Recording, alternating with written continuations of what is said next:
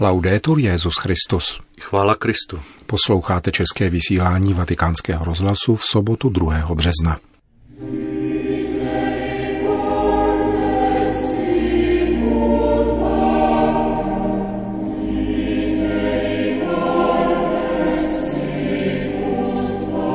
Kdo pečuje o maličké, je s Bohem, říká papež František ve videoposelství, kterým se dnes obrátil do hlavního města Středoafrické republiky u příležitosti otevření tamnějšího pediatrického centra. Kultura péče o druhého je podstatou lidského společenství, řekl papež na setkání se členy italské nadace boje proti lymfatické a myeloidní leukémii. Sýrie, ale ani Evropa bez křesťanů nepřežije, říká chaldejský biskup v Alepo Monsignor Odo k situaci ve svojí zemi. Dnešním pořadem vás provázejí Milan Glázer a Jiří Hebron.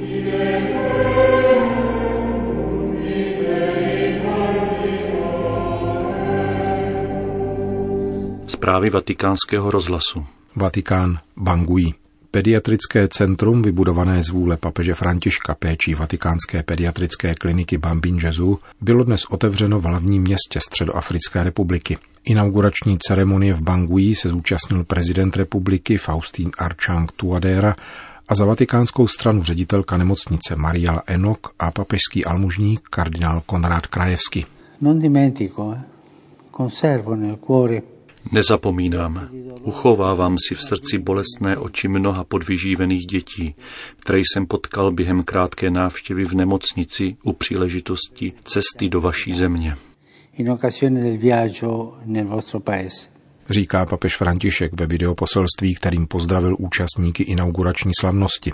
Připomíná v něm významný podíl pediatrické nemocnice Bambin Jezu, která už od jara roku 2016 školila odborný lékařský personál a vyjadřuje přání, aby se nová zdravotnická struktura stala místem, kde mohou děti nalézt nejen úlevu ve svém utrpení, ale také vlídnost a lásku.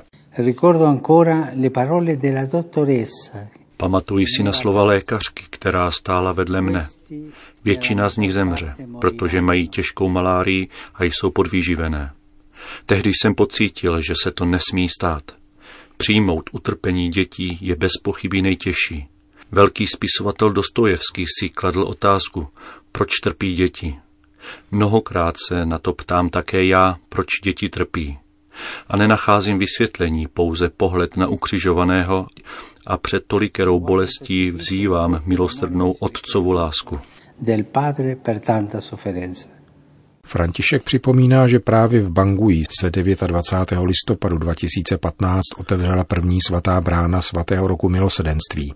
Dnes otevřené zdravotnické centrum je znamením konkrétního milosedenství, řekl papež a dodal, líbí se mi myšlenka, že ona svatá brána zůstává otevřená a prout milosedenství dává životodárnou mízu této dětské nemocnici a všem, kdo v ní budou pracovat.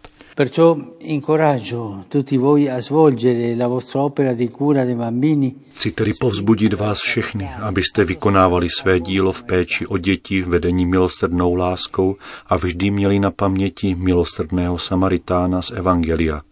Buďte pozorní k potřebám svých malých pacientů, sklánějte se s láskou k jejich křehkosti a snažte se v nich vidět pána. Kdo slouží s láskou nemocným, slouží Ježíši, který nám otevírá nebeské království. serve Gesù che ci apre il regno dei cieli. V závěru videoposelství papež František pozdravil přítomné státní představitele v čele s prezidentem Tuadérem a poštolského nuncia arcibiskupa Santiago de Vild Guzmána, ředitelku nemocnice Bambín Jezu Marielu Enokovou a kardinála Krajevského, který, jak podotkl, zprostředkovává ve světě papežovu charitativní činnost. Non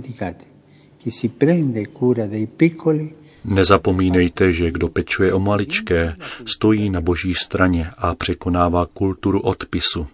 Kež se tato nová nemocnice stane vzorem a oporou pro celou zemi. Pamatujte, v nemocném je Kristus a v lásce toho, kdo se sklání k jeho ranám, je cesta k setkání s ním. Zakončil papež videoposelství k inauguraci Centra pro podvyživené děti ve, středoafri- ve středoafrickém Bangui.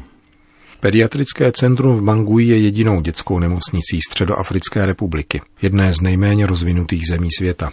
Občanská válka, která vypukla v roce 2013, situaci obyvatelstva ještě zhoršila. Podle dostupných údajů umírá 17% dětí mladších pěti let a 11% se jich nedožije jednoho roku. Nedostatečnou výživou trpí asi 30% dětí.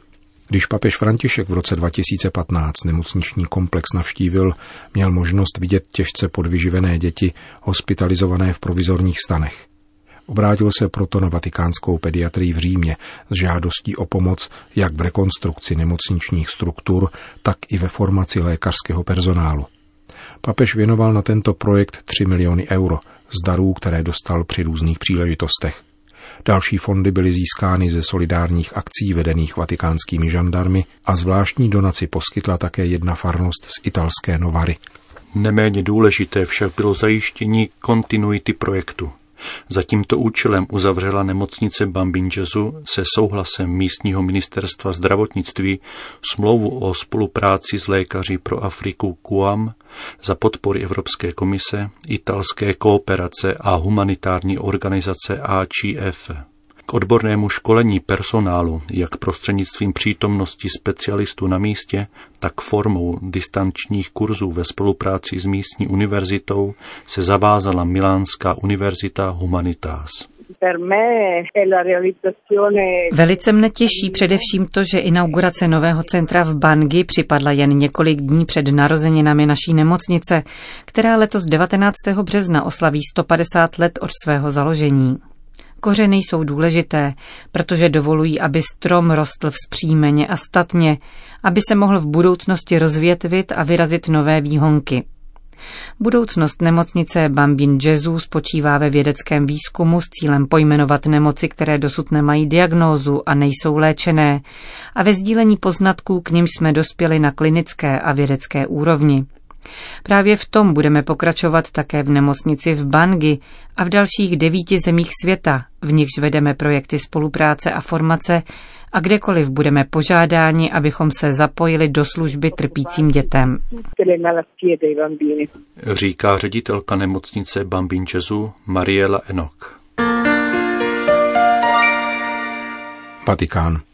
Papež František dnes ve vatikánské aule Pavla VI. přijal 6 tisíc členů italské nadace boje proti lymfatické a mieloidní leukémii u příležitosti 50. výročí jejího založení. V promluvě k ním vyšel svatý otec z dnešního liturgického čtení z knihy Sirachovcovi, jež podává, jak Bůh stvořil lidi. Naplnil je rozvahou, kterou dává rozum, o dobru i zlu jim dal poučení a přidal jim poznání a jako dědictvím je obdařil zákonem života. Vědecké poznání, jak jsem již řekl, je mocným prostředkem k lepšímu chápání jak okolní přírody, tak lidského zdraví. Naše poznání roste a s ním také prostředky a stále rafinovanější technologie, nejenom spatřit nejvnitřnější strukturu živých organismů, včetně člověka, ale dokonce modifikovat samotnou naší DNA la modifica del nostro stesso DNA. Církev chválí a povzbuzuje každou výzkumnou a aplikační snahu v péči o nemocné a trpící. Jsem proto rád, že vám mohu vyjádřit ocenění za to, co konáte již půl století. Pokračoval papež František v promluvě k lékařům, výzkumníkům, zdravotníkům a dobrovolníkům zmíněné nadace pro boj s leukémií. Vědeckým bádáním zkoumáte biologickou dimenzi člověka, abyste mohli nemoc vyléčit prevencí a stále účinnější terapií. Zdravotnickou péči se pro trpící stáváte bližními, abyste je v čase utrpení doprovázeli, aby se nikdo nikdy necítil sám nebo měl dojem, že je odpadkem sociálního kontextu a nakonec formací personálu dáváte své činnosti kvalitu, abyste prosadili globální přístup k nemocnému a uskutečňovali onu terapeutickou smlouvu, kterou nutně potřebuje pacient i sami zdravotníci, povolání žít každodenně v kontaktu s utrpením. Coinvolti nell'esperienza della sofferenza. Papež pak v této souvislosti připomněl početné dobrovolníky, kteří různým způsobem spolupracují na doprovázení nemocných nejen v nemocnicích, ale také modlitbou ve farnostech. Tento postoj pečující blízkosti je pro pacienty trpící hematologickým onemocněním mnohem nezbytnější.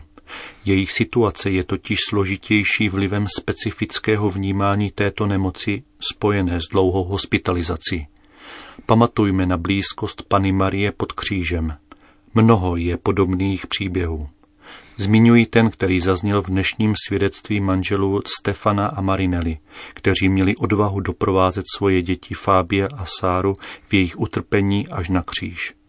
A dokázali pak výjít z této bolesti a ubírat se dál v naději ve vzkříšení svých a mnoha dalších dětí, které odešly podobně. Moc děkuji vám a mnoha dalším rodičům.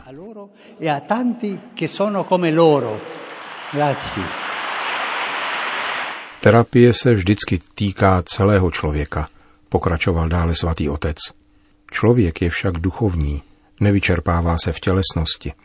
Duch transcenduje tělo, které je tak součástí mocnější vitality a důstojnosti, jež není vlastností biologie, nýbrž osoby a ducha. E Drazí bratři a sestry, vaše historie, vaše bohatá padesátiletá činnost a výsledky dosažené na poli bádání a vědeckého pokroku, ať jsou podnětem k novému rozmachu lepší péče o život nemocných. Kéž vaše chválihodné nasazení činí každého člověka vnímavějšího ke kultuře sebedarování a péče o druhého, která tvoří podstatu života každého lidského společenství. Popřál papež František italské nadaci boje proti lymfatické a mieloidní leukémii v závěru dnešní audience. Alepo. Žádná občanská válka v Sýrii nebyla. Ozbrojené extremistické skupiny pocházející ze všech koutů světa se za podpory cizích států snažili zničit křesťanskou víru v zemi. Vysvětluje syrský konflikt tamnější jezuita a biskup chaldejského obřadu v Alepu Antoine Odo, který během své návštěvy v Nizozemsku koncem února poskytl rozhovor místnímu listu Nederlands Dagblad.